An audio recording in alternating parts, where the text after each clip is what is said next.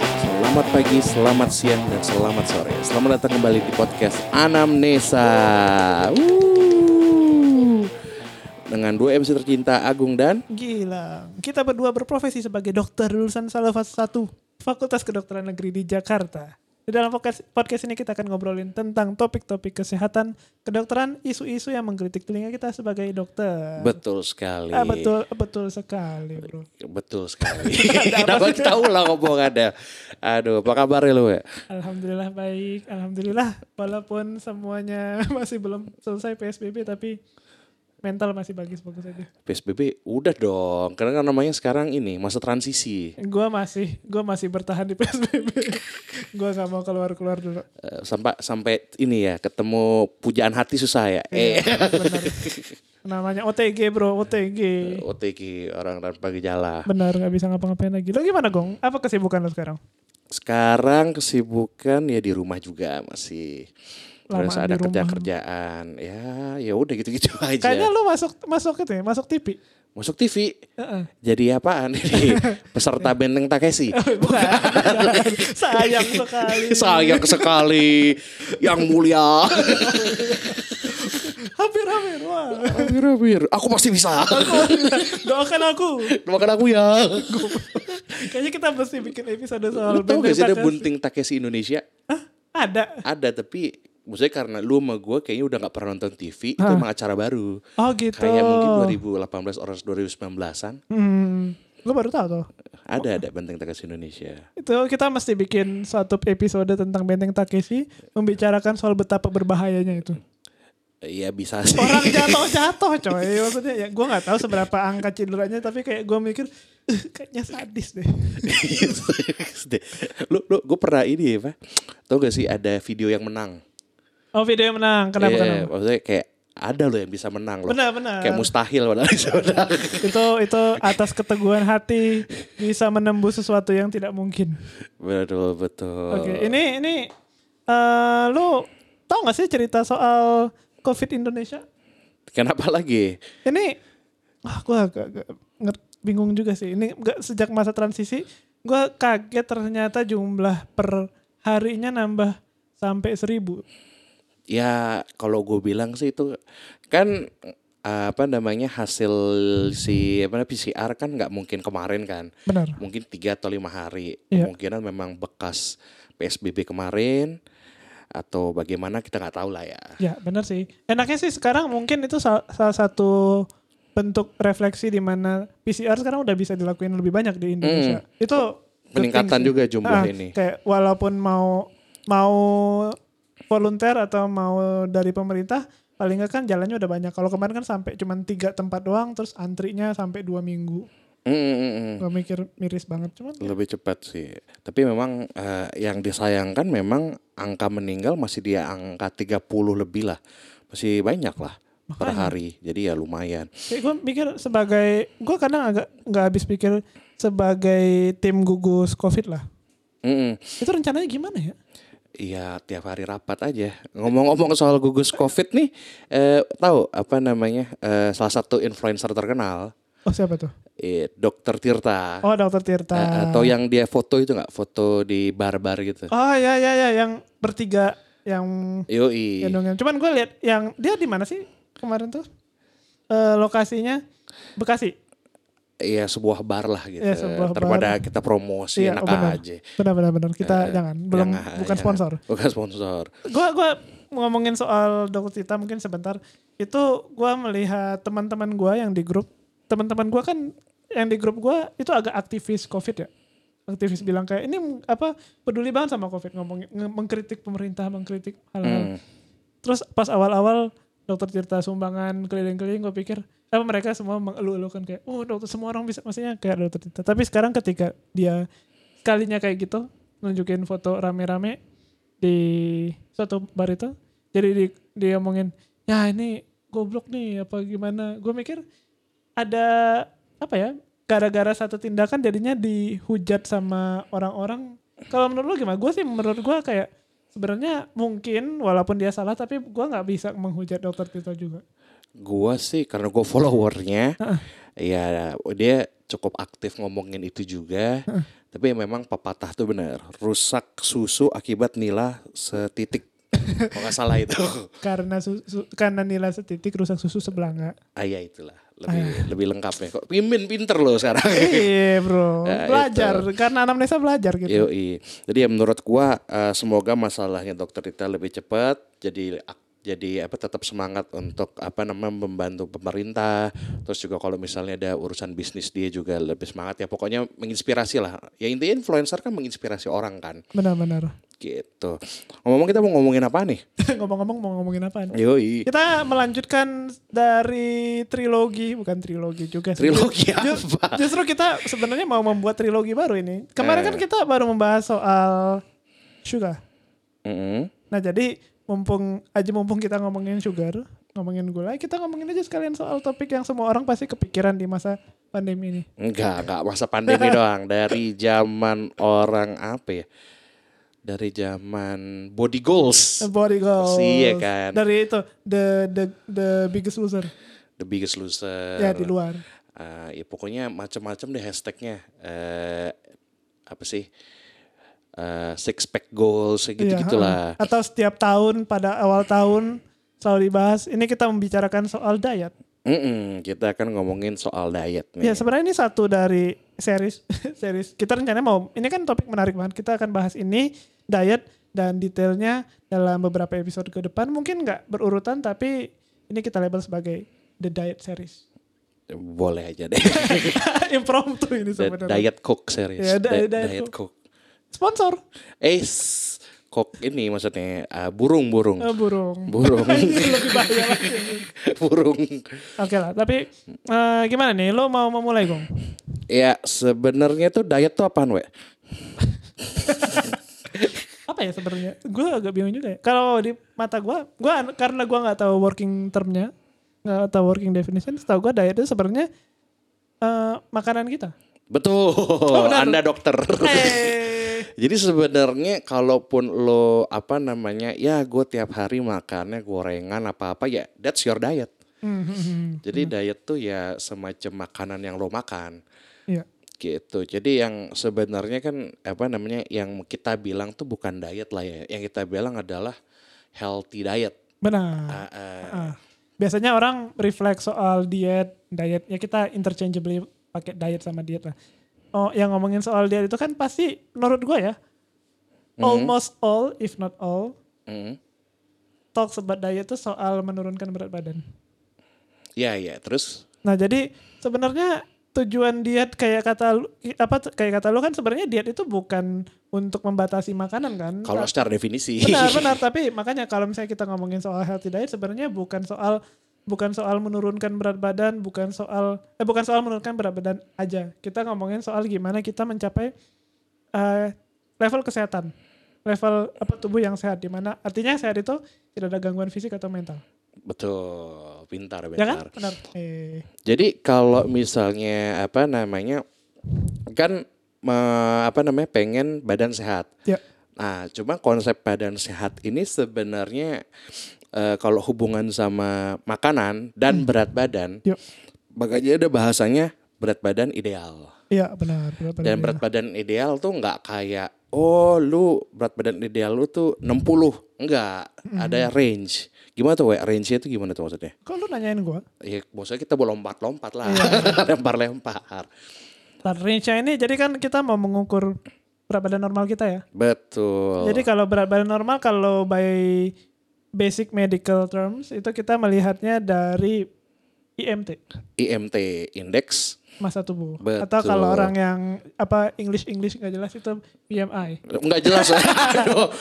Jaksel ya. Eh, Jaksel. Aduh. Enggak, bukan bukan Jaksel, bukan Jaksel. Oh nggak South, berani. South Jakarta. Oh South Jakarta. Nggak berani. Soalnya pujaan hatinya Jaksel. Oh, jangan sebut. jangan sebut. Gua Nusantara, Bro. Oh Nusantara. Iya. Siap siap. Nah, jadi jadi emang untuk mengetahui untuk kita mikirkan soal diet kita mikirin seber- apa berat badan itu normal apa enggak dulu. Walaupun memang berat badan itu berhubungan s- nggak cuman soal berapa danto kita juga berhubungan sama proporsi berhubungan sama uh, berhubungan sama jumlah fatnya jumlah muscle-nya tapi kita Mm-mm. pakai yang basic aja Mm, maksudnya kalau lu ngomongin jumlah fatnya, body mass-nya, Mm. itu kan mungkin butuh alat. benar benar ada yang alat gua nggak tahu yang dipegang Itu apa body weight? Eh, itu body pokoknya body, composition uh, body composition weight. Ha-ha. Itu tuh emang sistemnya pakai listrik dalam tubuh gitu. Ya, gue gak ngerti deh itu kayak gue sampai sekarang masih belum masuk di kepala gue metode dia mengetahui itu eh, persentase fat dalam tubuh Gue sebenarnya kurang ngerti juga, tapi sebenarnya konsepnya itu mirip-mirip sama lu menggunakan timbangan digital. oh gitu Timbangan digital kan nggak ada. Maksudnya kok timbangan analog lu punya semacam pemberat dan pegas dong iya untuk mengukur. Kok timbangan digital gimana? timbangan digital kayak sensor Iya, sensornya tuh yang kita tangkap apa?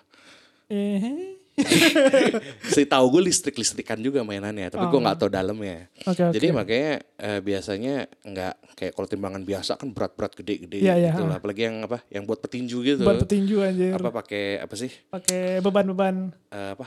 Eh, ya, geser-geser. ya, apa ya gue ada namanya ada namanya Timbangan. khusus Timbangan beras, bukan? bukan timbangan beras itu ada namanya cuman gue lupa eh, iya, iya iya kayaknya ada. Benar. Nama nama Latin gitu. kan? nama-nama khusus kayak benar-benar instrumennya itu namanya apa kayak orang gold standarnya pakai itu cuman karena karena kan nggak masalah sama listrik kan sebenarnya Hmm. itu benar-benar by physics Hmm. cuman anyway udah jangan, jangan kelamaan ngomong Nggak apa-apa. kita malah ngomongin kita, timbangan kita orangnya memang suka-suka kita. iya tapi eh, yang tadi eh, kita kan untuk mengetahui pada populasi normal kita, untuk mengetahui kita tuh berat badannya normal atau enggak kita lihat paling simpelnya dari IMT Hmm. nah IMT yang normal itu berapa gong Ya, tergantung orangnya dong. Tergantung tinggi badan dulu. apa ya oke tergantung Ya iya Oh, dong. Kau ngitungnya gimana? Sebenarnya ada kalau misalnya lu mau nggak mau repot, Gimana kita gimana? pakai range aja. Range-nya? Jadi kalau berat badan normal pada orang nor- pada orang populasi umumnya itu range di di atas 18,5 sampai 20 tiga kalau nggak salah. Itu BMI kan? Ya IMT coy. Eh, Iya IMT. Tapi kan apa namanya? Oh iya, oh maksud lo itu range kalau udah dihitung. Iya iya makanya gue Gue bilang eh, kira belum dihitung udah tahu itu iya. Belum, gua Gua- nggak- gua kayak ya tinggi badannya dulu dong. Padahal gue tahu anjir. gue bukan ngomongin cara ngitungnya bro, Iya, iya, gue iya, ngitunginnya iya, iya. normalnya. Tapi apa ya kayak gitu range-nya kan sekitar 18,5 sampai 22 setengah apa 23 gue lupa. 23 dan itu sebenarnya Asia Pacific Classification. Ah, ah. kita masih pakai Asia Pasifik kalau Indonesia karena ah, bentuk tubuh orang Asia sama orang Caucasian itu beda. Yang bikin kita menang badminton kan? Ah, ah, Tapi tapi yang, Hmm. juga sih. yang bikin So- kita sorry. yang, yang bikin kita Olimpiade emasnya dikit. Nggak Astagfirullah. juga sih. ya. Nah tapi kayak yang lo omongin tadi sebenarnya lo sempat ah, hal yang penting. Gimana cara ngukur IMT Kung? Nah, IMT itu eh, dari sumber kita. Gak usah super kita juga kali. Eh, pokoknya kita kalau ngomong ini apa namanya? Berreferensi. Bereferensi. Eh, ya udah kalau BMI-nya adalah berat badan per tinggi badan kuadrat. Ya berat badan per tinggi badan, Badan kuadrat. kuadrat. Dalam Tapi tinggi badannya harus dalam meter. meter. Jadi satuannya untuk IMT adalah kilogram per meter kuadrat. Kalau orang Amerika, Kalau Amerika apanya? kan orang Amerika nggak pakai kilogram. Ya itu susahnya dia. itu itu itu satu hal yang masih membingungkan sama kayak presidennya sekarang. Oh gitu, Oh. Anda masih ini ya. Presidennya ini kan George Washington kan. Eh, Bukan. bukan, bukan. Presidennya entah siapa tapi dia Entah siapa. berdiri di depan di depan gereja untuk foto terus bebelnya kebalik. Oh iya iya iya, masih loh dibahas Ya loh. udah jangan jangan politik loh. Jadi dari BMI itu kita baru masukin ke eh, chart dari eh, jadi dapat BMI kan. Misalnya eh, BMI gua 22 gitu. Masukin ke chart BMI si eh, Asia Pasifik. Benar. Jadi 22 tuh gimana? Uh, ideal. Iya benar. Jadi emang range-nya sebenarnya patokan simpelnya kalau misalnya tinggi 160-an biasanya berat badan itu di angka 60 50-an sampai 60-an juga. Eh, Iya, kalau nggak salah gue pernah denger cara gampangnya berat badan lu kurangin 100 aja. Eh, tinggi badan lu kurangin 100 aja. Nah, nah, benar, tapi un- itu kan untuk me- untuk simple. Nah, sekarang ada juga cara untuk mengetahui berat badan lu ideal apa enggak dengan rumus pencarian berat badan ideal. Rumusnya itu kalau yang mau nyari tinggi badan dikurang 100 terus dikurang 10% dari TB artinya tinggi badannya apa tinggi badan berapa ya istilahnya? Gue jadi bingung juga nih. 10 persen Heeh. dari T- TB kurang 100 juga. Nah ini gue bingung. TB-nya dikurang 100 dulu. Kan dalam kurung makanya. Tap- Tapi 10 persennya kalau dari gambarnya 10 persennya ini kali sama hasil TB Oh, coy. Bukan dong, ini kan kata-kata, bukan kalau kata kalau kata-kata kan dia nggak ini apa namanya? Dia berarti TB kurang 100 dulu baru ke 100 persen. Nah ini nih ini ini ini yang nulis mungkin nggak terlalu ngerti soal matematik nih. Ini ini ku- parentesis atau kurung-kurung ini akan menyebabkan kesalahpahaman. Oh, Kalau gitu. biar aman kayak gini aja. Berat badan ideal adalah 90% dari TB dikurang 100. Boleh, boleh, boleh, boleh. Ya Iya, kan? iya, setuju. Jadi setuju, misalnya setuju. jadi biar gampang. Jadi kalau misalnya berat Jadi badan Iya, buat- buat gua dikeluarin ya, iya, eh iya. tinggi badan gua misalnya 165. Hmm, Berarti berat badan ideal gua adalah 65 dikali 90%. hmm. Sekitar berarti berarti 59 29. sekitar. Nah kalau lu berapa Kum? Waduh. ini sejujurnya eh, pendengar eh kita belum punya nama pendengar ya. Apa- ya nggak apa-apa. Pemirsa Kebetulan sekali. Nah. gue yang punya ide ini karena kebetulan eh, saya ingin mencoba menurunkan berat badan. Ya, sebenarnya gue juga sih. Eh, Lu udah kurus aja. Belum coy, gue masalahnya central obesity kalau misalnya by definition. Oh itu kita bahas tar lagi Iya, ya. Mm. itu menarik. Apa itu central obesity? Nanti. Apa, jadi karena gue juga sedang ingin mencoba menerapkan eh, semacam healthy diet, bukan diet ya. Kalau diet semua makanan gue namanya diet. Hmm. Iya, dong. benar. Hmm. Eh, jadi karena itu kalau gue itu mestinya dengan tinggi gue 166, mestinya berat badan gue yang nggak jauh-jauh dari lu juga. weh. Gak usah disebut deh, kita udah tahu ya. Sementara berat badan gue jauh Udah dari jauh. itu. Nah, gak usah disebut deh. gitu. Iya, Bikin kira-kira bikin, gitu. Bikin nyeri hati aja. ya. Eh, eh, cuma memang gue rencananya gini we, Nah, Eh, mungkin ntar aja. Tapi di akhir-akhir, sel- kan ki- kita nggak tahu berapa kali kita episode. Iya. Nanti kita bikin e- episode eh, series terakhirnya si diet ini. Hmm. Ntar oh, apakah berguna diet ini gitu. Nah gue juga akan menerapkannya bahasanya. Hmm. terus. tapi nggak kayak kita bakal nyebutin strategi Enggak, diet khusus. enggak kita usah. ngomongin prinsip aja. Oke. Nah, tapi anyway, kayak kita kan jadi udah tahu kondisi sebenarnya kita ini sesuai dengan berat badan ideal apa enggak. Kita apa kita ini ideal apa enggak? Hmm. Yang gua tebak sih mostly enggak. Nah, kan jadi pertanyaannya gimana caranya kita mau mencapai berat badan ideal? Biasa karena ini gua pakai asumsi aja. Hmm, Kita asumsi berat badan kita itu kelebihan, Mm. ya kan? Kita pak- kita sempitin aja case-nya kalau misalnya berat badan gua Karena ke- kelebihan. karena kebetulan menengah ke atas ya. Iya.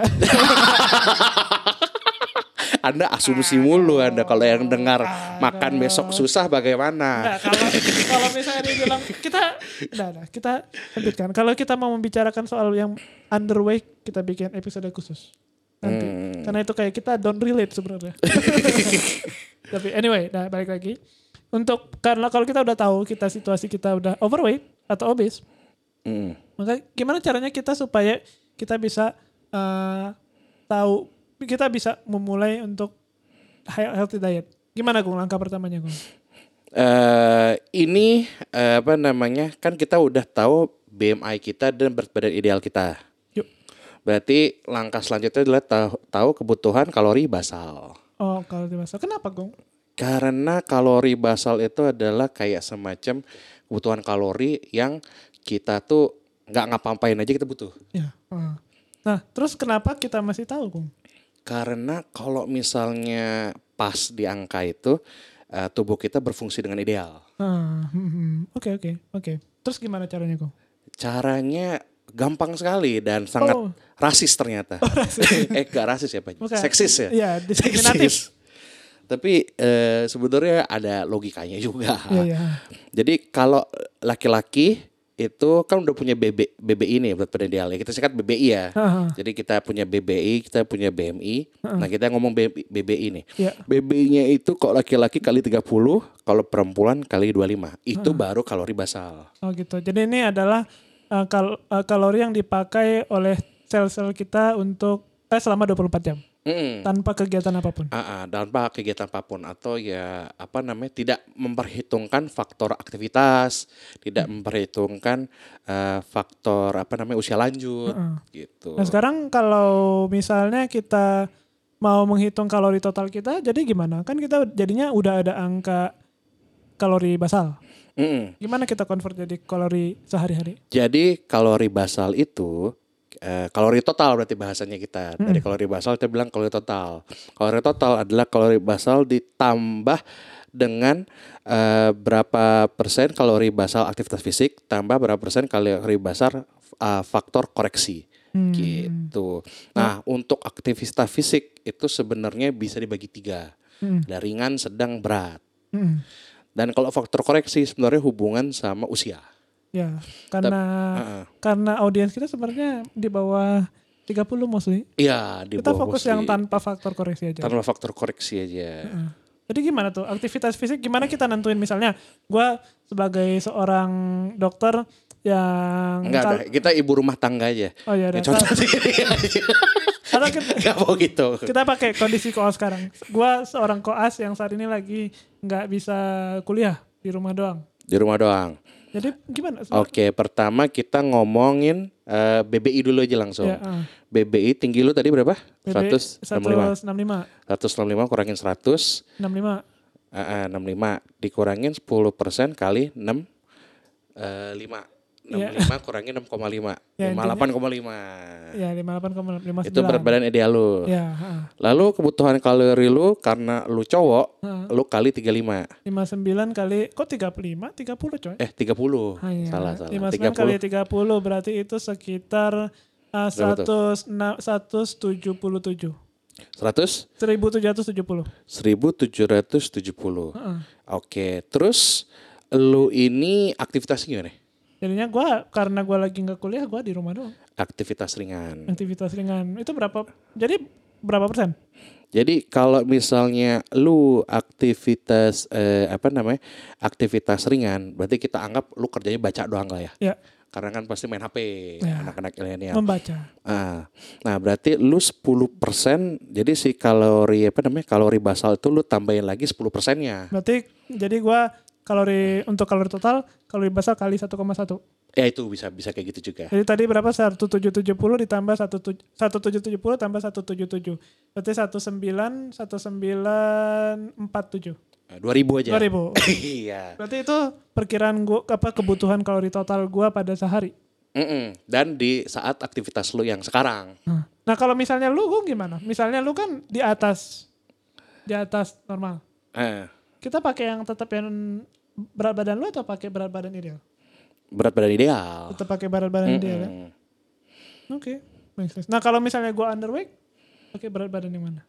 Kalau underweight itu berarti kan bukan berat badan ideal dong. Ah, benar. Berat badan ideal Berat juga. badan Ya, benar sih. Itulah poinnya kenapa kita mencari eh, titik berat badan ideal. Ah, Oke, oke. That's the sweet spot. Nah, jadi gitu. ini jadinya kalau dari omongan tadi kan kita tahu kalori total. Mm. Berarti untuk menurunkan berat badan spesifik Mm. ya. Intinya kita mesti mengurangi kalori intake kita, Betul. ya kan? Jadinya su- eh, kenapa? Karena sebenarnya ini pendapat gua, gua nggak tahu lu setuju apa enggak, tapi setahu gua Mm. yang kita tahu kan kalau berat badan mesti olahraga, olahraga. Tapi impact dari makanan itu lebih tinggi daripada olahraga. Itu setuju. ya kan? Nah, jadi impact makanan lebih tinggi karena kalau misalnya olahraga tanpa memonitor memonitor mak itu kalori intake, maka berat badan harusnya nggak berkurang karena itu kayak simple logic aja. Seberapa banyak seberapa banyak kalori yang lu masuk, kalau misalnya berlebihan ya dia jadi itu jadi Nah. fat. Sebenarnya kan ibaratnya gini nih. eh, kan lu bilang makanan sama olahraga. Ya, Makanan lebih susah kita monitor daripada olahraga. benar juga. Sebenarnya poinnya itu. Olahraga misalnya, iya saya lari pagi tiga kali sehari, eh tiga kali seminggu, 30 menit. Hmm.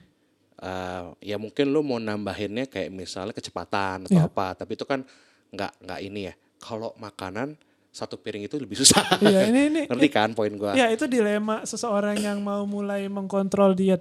Mm-mm. adalah mereka tuh bingung gimana caranya tahu ini makanannya cukup apa enggak. Nah ini sebenarnya sambil kita bahas uh, sedikit soal sebenarnya diet itu masalahnya di mana aja. Kita kan hari ini kita mungkin nggak bakal loncat soal metode. Mm-mm. Itu kita nggak usah cover metode. Kita cuma cukup bahas soal gimana menentukan Mm. kita tuh butuh diet atau enggak. Mm-mm. Nah sekarang kita ngomongin challengesnya. Kira-kira yang sebagai pengalaman sebagai orang-orang yang udah nyoba tapi gagal. Anda tuh tidak segendut itu loh. Eh, tapi tetap aja kan apa eh, kesadarannya sama. Sebenarnya ini sih, we, gue juga pernah inget nih. eh, kan lu eh, tahu kan waktu itu gue di Melbourne ada yang namanya kuliah masterclass. Ush. Salah sa- kenapa namanya masterclass karena eh, topiknya beda-beda. Masuk waktu itu eh, episode pasung. Oh iya Eh, benar, gue ingat. Siapa namanya? Si Dokter Herminas. Herminas. Oke. Heeh. Nah kalau yang ini, jadi kan pokoknya itu tiap Selasa ada kuliah beda-beda. Salah satunya pernah obesitas. Hmm.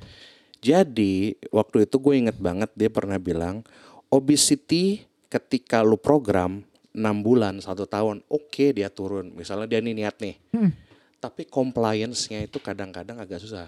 Hmm. Maksudnya bahasanya lu mungkin hanya bertahan dalam satu tahun itu Iya, benar. dan itu eh, apa dari riset yang dia lakukan katanya cukup banyak yang akan balik dan itulah mungkin kenapa kalau lu pernah baca iseng kita punya buku ajar penyakit dalam atau apa untuk range obesitas yang dua ke atas tiga kalau misalnya di Amerika ada yang tiga atau 40 Heeh. 35 ke 40 BMI. AA BMI itu sebaiknya memang sudah menggunakan eh, terapi Terapi as in farmakologik atau non farmakologik? kalau di atas 35 dengan komorbid itu eh, sudah pakai apa namanya eh, surgery 40 sudah pakai surgery. Iya. Ya Jadi, 35 ah. komorbid sama 40 tanpa komorbid. Oh, Oke. Itu sebenarnya menarik nih. Jadi emang untuk mencapai untuk kasus-kasus yang severe kayak obesitas, obesitas apa obesitas berat di atas 40 atau 35 dengan komorbid itu kan kita mem- apa pakai modalitas farmakologik sama non farmakologik. Nanti kita bahas di episode selanjutnya soal seber- modali- basic-basic modalitas ini modalitas apa ya? Ba- apa modalitas untuk mengura- membantu orang obesitas. Nah, sebenarnya dari poin itu gue pengen narik bahwa ada baiknya eh, kan misalnya orang mau diet nih, niat dulu kan. Oh, gue niat nih, gue eh, capek gendut atau gue eh, mau nikah, apalagi sering itu tuh kayak mau Oh. nikah atau apa sih namanya? Kayak teman kita. Eh, iya, pokoknya baju lu bagus lah gitu atau kalau yang brengsek gue mau liburan nih biar di Bali bagus gitu kayak gitu Summer body. Summer body. nah sebenarnya kalau lu mau lebih bagus menurut gua adalah lu check up dulu awalnya Hmm, benar. karena lu jadi tahu eh, apa namanya eh, bahasanya apa ya baseline kali ya Ya baseline data lu sebelum lu mulai. Mm-mm. Dan kadang-kadang baseline itu juga yang bikin lo uh, termotivasi. Misalnya lo bisa ngecek dari profil lipid, bisa pokoknya ngeceknya jadi lebih dalam, sehingga lo juga akan aware bahwa lu bukan cuman sekedar apa namanya motivasi eksternal lo ya pastilah kalau lu mau body goals lah apal itu kan lu mau pamer Benar, benar. jujur aja itu lu mau Iya. pamer tapi lu sayang sama diri lu nggak selalu ngelihat hasil pengecekan itu Hmm. Ya, Benar-benar. kalau menurut lu gimana, We? Kalau menurut gua, gua setuju banget soal poin lu untuk melakukan check up, melakukan mengidentifikasi baseline data pada awal. Karena nature-nya s- apa seorang manusia itu adalah dia nggak bisa melihat secara jarak itu jangka panjang by nature. Jadinya kalau misalnya kita punya motivasi untuk diet keras banget hari apa hari ini mungkin pas awal New Year atau misalnya habis habis apa namanya mengalami masalah gitu terus mikir kayak enggak gue mesti tur- berat badan turun. Jadi mungkin motivasinya pada itu kuat banget. Mm. Tapi setelah itu kita nggak tahu mungkin satu minggu dua minggu bosan atau nggak tahan. Nah menurut gua gu- gua setuju banget untuk mem- mengetahui apa yang bisa lu ukur sama kondisi pengukuran pada saat lu sebelum mulai. Karena kalau misalnya kita pakai yang sim- yang paling mudah diukur misalnya berat badan lama sebenarnya turun berat badan lama banget sebenarnya. Ini yang orang nggak tahu berat badan itu turun lama satu bulan mungkin pada kalau lu baru mulai aw- apa satu bulan mungkin baru turunnya paling dua kilo itu udah susah Hmm. beneran ini kalau misalnya lu mau lu punya visi mau turun satu kilo se satu kilo sebulan eh satu kilo seminggu itu stres nauzubillah Hmm. karena itu kalori intake-nya dipotong banget jadi kalau misalnya berat badan kan nggak mungkin diukur susah foto kalau foto badan kalau orang udah udah gendut pasti itu perubahannya lama apalagi karena fat itu Hmm. fat di dalam apa fat di dalam di daerah toraks kita di daerah, bukan di daerah badan orang kita Hmm. itu fat yang paling lama kekikis Hmm. Jadinya mungkin motivasinya hilang duluan. Jadi untuk mengukur terus-terusan itu salah satu cara yang bisa membantu lu tetap stick to the plan. Mm, mm, mm. Monitoring. Benar, monitoring. Well, it's a journey. Gitu. It's a Kalau menurut gue journey. it's a journey jadinya. Yoi, Untuk apa namanya menjadi sehat lah ya. benar, benar. Itu bukan i- it's not a quest. Eh, It's not a quest. Iya. It's a journey. It's a, it's a, it's a, it's a apa ya istilahnya? It's a long, long journey. Kayak main main questnya, main Ah. adventure lu adalah itu nggak bakal dalam satu bulan Eh, hilang. Tapi sebelum lo adventure minimal lo udah lo harus tahu lo di mana. Iya benar, benar. Iya kan. Kalau gue sih jadinya mikirnya gitu sih sekarang. Mhm. Nah kita apa? Kita cek apa aja nanti? Boleh, boleh, boleh. di tempat lo ya biar gue ini ya. Eh, Biar gratis, nggak bisa bro. Nah, Oke. oke. Tapi ya gitu mungkin kayaknya kita jangan sampai kelamaan hari ini. Kayaknya kita eh kita apa namanya conclude dulu untuk hari ini. Mu- Lu ada itu nggak ada summary nggak yang menurut lu bisa apa kita bisa tarik dari diskusi hari ini? Ya sebenarnya eh, mungkin tambahan dikit.